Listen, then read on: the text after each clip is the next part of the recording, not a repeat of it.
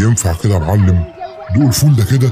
ماله يا عم انت؟ انت جاي ترمي بلا علينا ولا إيه؟ أرمي بلا؟ طب دوق كده وقول لي رأيك. ورينا يا عم. بسم الله الرحمن الرحيم. يا نهار مش باين. لا مؤاخذة يا أستاذ أجيب لك غيره. انت زفت يا زعبله أيوه يا أسطى. أيوه يا أسطى. انت جاي تغني لي؟ إيه اللي انت مهببه ده؟ حاطط للراجل كيلو ملح على كيس فول؟ مش عارف تظبطها مغفل؟ تعبت يا أسطى عمال بعبي بقالي ثلاث ساعات وإيدي خدلت خلاص. طب خلي حد من العيال يقف مكانك وتعالى ندخل إحنا نتسحر. وأحكي لك بقى حكاية النهارده.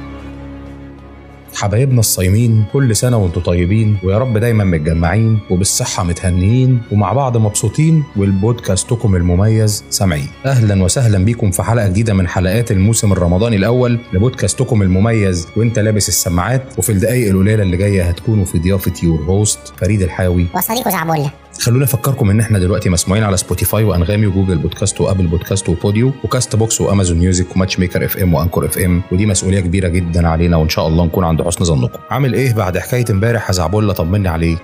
والله يا اسطى عمال أفكر في الكلام اللي أنت قلته. إن أنا أفهم حاجة ابدا. ليه بس يا زعبله ده أنا حتى شايفك كنت متفاعل معايا وبتفكر وترد. إيه اللي جرالك عبقري الورشة؟ الصيام يا اسطى مخلي الواحد قاعد مش فاهم اياتها حاجة. لا صح صح معايا وركز كده عشان أنا النهارده هكلمك عن موضوع فيزيائي برضه. الفيزياء الكونية تاني يا اسطى. بلاش تقول الفيزياء ده يا زعبله اسمها ال cosmology. اسمها إيه؟ لا لا يا اسطى خلينا في الفيزياء الفيزياء أروق وأحسن بكتير. بس هي ليه اسمها الفيزياء الكونية يا اسطى؟ علشان هي زعبله بتتكلم عن الحاجات اللي تخص الكون عموما. عارف يعني إيه الكون يا زعبله عارف مسافة الكون ده قد إيه؟ أنا قلت لك امبارح إن مسافة الكون المنظور تقدر بتقريبا 93 مليار سنة ضوئية. وشكله حلو بقى على كده الكون ده يا اسطى. طبعا يا زوز شكله تحفة. بس عظمة الكون مش في شكله الجميل بس يا زعبله عظمة الكون موجودة في حاجة اسمها ال fine tuning أو الضبط الدقيق. عارف يعني إيه الضبط الدقيق؟ ولا أديك أمارة يا عم الاسطوات طب أنا أفهمك يا زعبل. أنت لو أخدت بعضك كده ورحت اتطوعت في رحلة من رحلات الفضاء الخارجي وأنت في الفضاء الخارجي قلعت ماسك الأكسجين بتاعك هل هتعرف تتنفس؟ أيوه طبعا يا اسطى هعرف أتنفس. لا طبعا يا زعبله مش هتعرف تتنفس. يبقى لا طبعا يا اسطى مش هعرف أتنفس. ده شيء غير علمي بالمرة. طب عارف ليه مش هينفع يا زعبله علشان خارج الغلاف الجوي لكوكب الأرض ده مكان غير مهيأ لحياة البشر. مكان أصلا مش مصنوع للحياة. فاهم ولا مش فاهم؟ وده بقى معناه يا زعبله إن المكان اللي أنت عايش عليه دلوقتي هو مكان مهيأ للحياة. وبتساعده عوامل تانية في الكون خلت الكون بالمنظر البديع اللي أنت شايفه ده وأصبح مؤهل لاستقبال حياتنا إحنا البشر. يعني مثلا يا زوز تعرف الجاذبية؟ الجاذبية دي هي اللي بتخلينا إحنا معشر البشر وكل الكائنات اللي عايشة معانا على الأرض الحية وغير الحية موجودين واقفين على سطح الأرض. لا طايرين عن الأرض ولا مدفوسين في الأرض. دي الحاجة اللي مخليانا واقفين كده على سطح الأرض. وبالمناسبة دي حاجة بتنطبق على كل الأجرام السماوية. يعني الشمس ليها جاذبية لما حواليها كل أجرام المجموعة الشمسية وكذلك كل جرم من أجرام المجموعة الشمسية ليه جاذبية لما حواليه توابعه. فاهم يا زعبلة؟ اعتبرني فاهم يا اسطى. طب أنا بقى عايز أخدك يا زعبلة وأقول لك إن الجاذبية دي لو اختلت بنسبة واحد على عشرة أس ستين كان الكون ده كله كده هيتبعتر وهيبقى مكان غير صالح للحياة. أنا عندي ليك مفاجأة يا اسطى. أنا فاهم أنت بتقول إيه؟ بس يعني إيه واحد على عشرة اس ستين؟ يعني صفر فاصلة ستين صفر وبعد كده واحد. متخيل النسبة صغيرة قد إيه يا زعبلة؟ تخيل معايا كده مثلا يا زعبلة إن أنت عندك راديو من اللي كان في بيت جدي وجدك والراديو ده متقسم لشرط صغيرة اللي هي بتاعة القنوات دي. لو الراديو ده متقسم لواحد وقدامه ستين صفر من القنوات وانت لو غيرت قناة واحدة بس كل الكون ده هيختل متخيل قد إيه النظام الكوني دقيق فيما يخص الجاذبية؟ يا الطف الله للدرجة دي يا اسطى؟ انت شايف إن ده رقم كبير؟ طب خد عندك دي بقى يا معلم. في عندك في الكون حاجة اسمها ثابت التمدد الكوني لأن أنا زي ما قلت لك في الحلقة بتاعت امبارح إن الكون ده شيء غير ساكن ده شيء بيتحرك وبيتسع وبيتمدد بشكل دائم. والكلام ده ورد في القرآن الكريم لما ربنا سبحانه وتعالى قال وإنا لموسعون. بس اللي ما قلناهوش بقى زعبله إن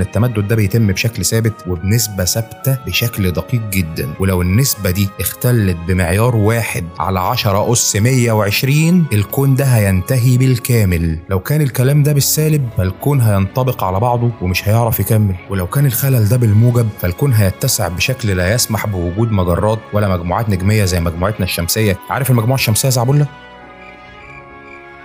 إيه ساكت ليه؟ قول كده الرقم ده تاني يا اسطى. بقول لك واحد على 10 أس 120 يعني صفر فاصلة 120 صفر وفي الآخر واحد. متخيل يا زعبله متخيل يا اسطى. بس ده شيء مش ممكن. إيه النسبة دي؟ أنت لسه شايف إن دي نسبة كبيرة؟ طب خد الكبيرة بقى زعبله تعرف إن كتلة وطاقة الكون لو اختلت بس بنسبة واحد على 10 اس 10 اس 123 هيصبح الكون ده معادي لكل أشكال الحياة وهيصبح مكان لا يصلح أن يكون موجود أصلا ولا يصلح لوجود أي نوع من أنواع الحياة.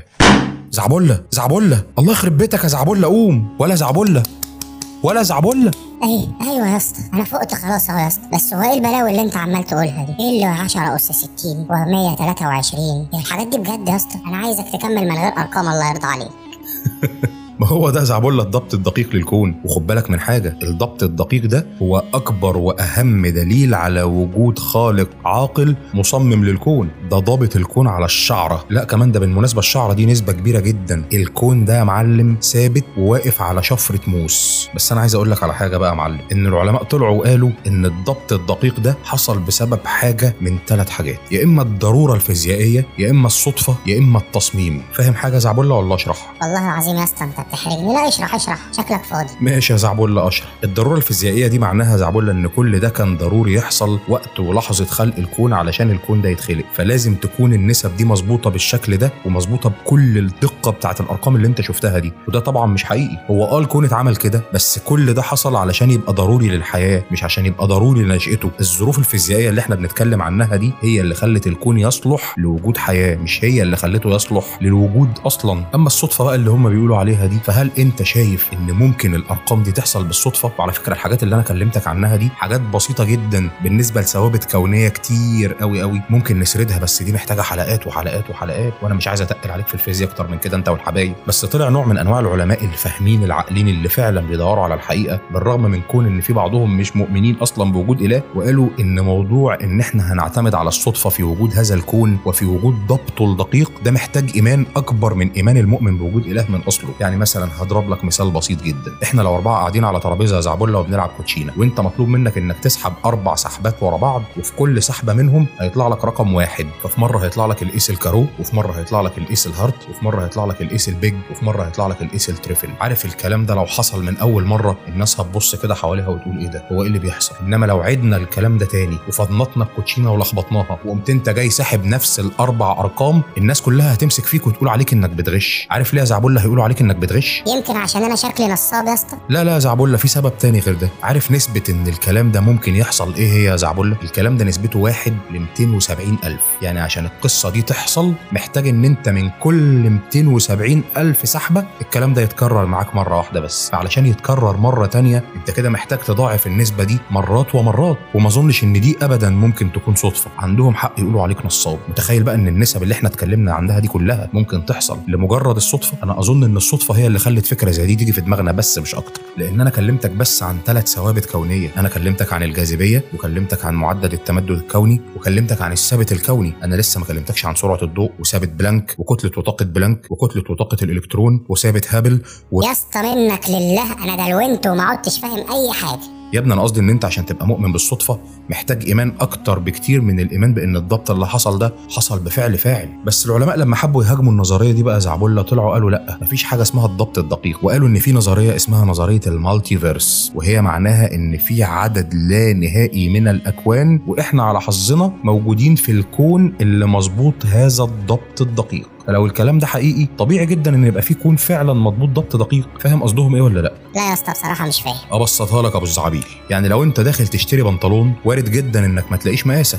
إنما لو دخلت محل فيه عدد لا نهائي من البنطلونات هتلاقي مقاسك بنسبة 100% كان هو ده قصدهم إن في عدد لا نهائي من الأكوان فبنسبة 100% هتصدف ولو في كون واحد بس. بصراحة كلام مقنع يا اسطى بس هي فين الأكوان المتعددة دي؟ إحنا لعمرنا في حياتنا سمعنا عن حاجة تشبه دي قبل كده. علشان أصلا ما فيش يا زعبله حاجة اسمها الأكوان المتعددة لأن مفيش أي دليل علمي ملموس أو غير ملموس أصلا على وجود كون غير الكون اللي إحنا عايشين فيه ده. وهقول لك على حاجة حتى لو في فعلا حاجة اسمها أكوان متعددة موجودة كده وبتسبح داخل بابلز زي ما هم بيقولوا وبتنتجها مكنة إنتاج أكوان متعددة فالكلام ده يحتاج إلى ضبط دقيق برضه. المكنة دي هتحتاج ضبط دقيق لأنها تقدر تنتج أكوان لا نهائية في وقت لا نهائي والأكوان اللا نهائية دي وهي بتسبح محتاجة ضبط دقيق أيضا علشان ما تصطدمش ببعض وتنتهي كلها. الفكرة في حد ذاتها معقدة جدا يا زعبل الناس دي هتحتاج ضبط دقيق أكتر من الضبط الدقيق بتاعنا إحنا أصلا. بس ربنا سبحانه وتعالى حسم الخلاف ده في سورة الفرقان في الآية الثانية لما قال عز وجل أعوذ بالله من الشيطان الرجيم وخلق كل شيء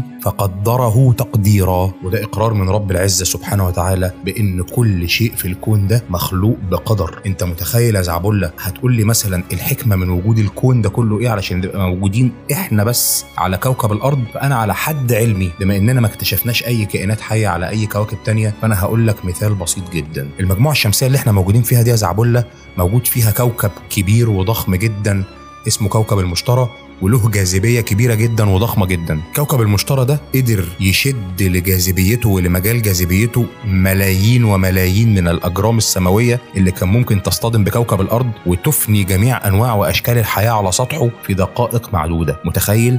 ده كوكب واحد بس في مجموعتنا الشمسية. فما بالك بقى من الحكمة من خلق باقي الكون. أنا شايف إن كفاية عليك كده يا زعبله أنت والحبايب عشان أنت أصلا شكلك هضمت السحور وكلها 3 4 ساعات بعد الفجر ولاقيك بتعيط وتقول لي أنا جعان. خليك كده ثابت على وضعك ومن هنا لحد بكرة يا معلم. اتمسى بالخير.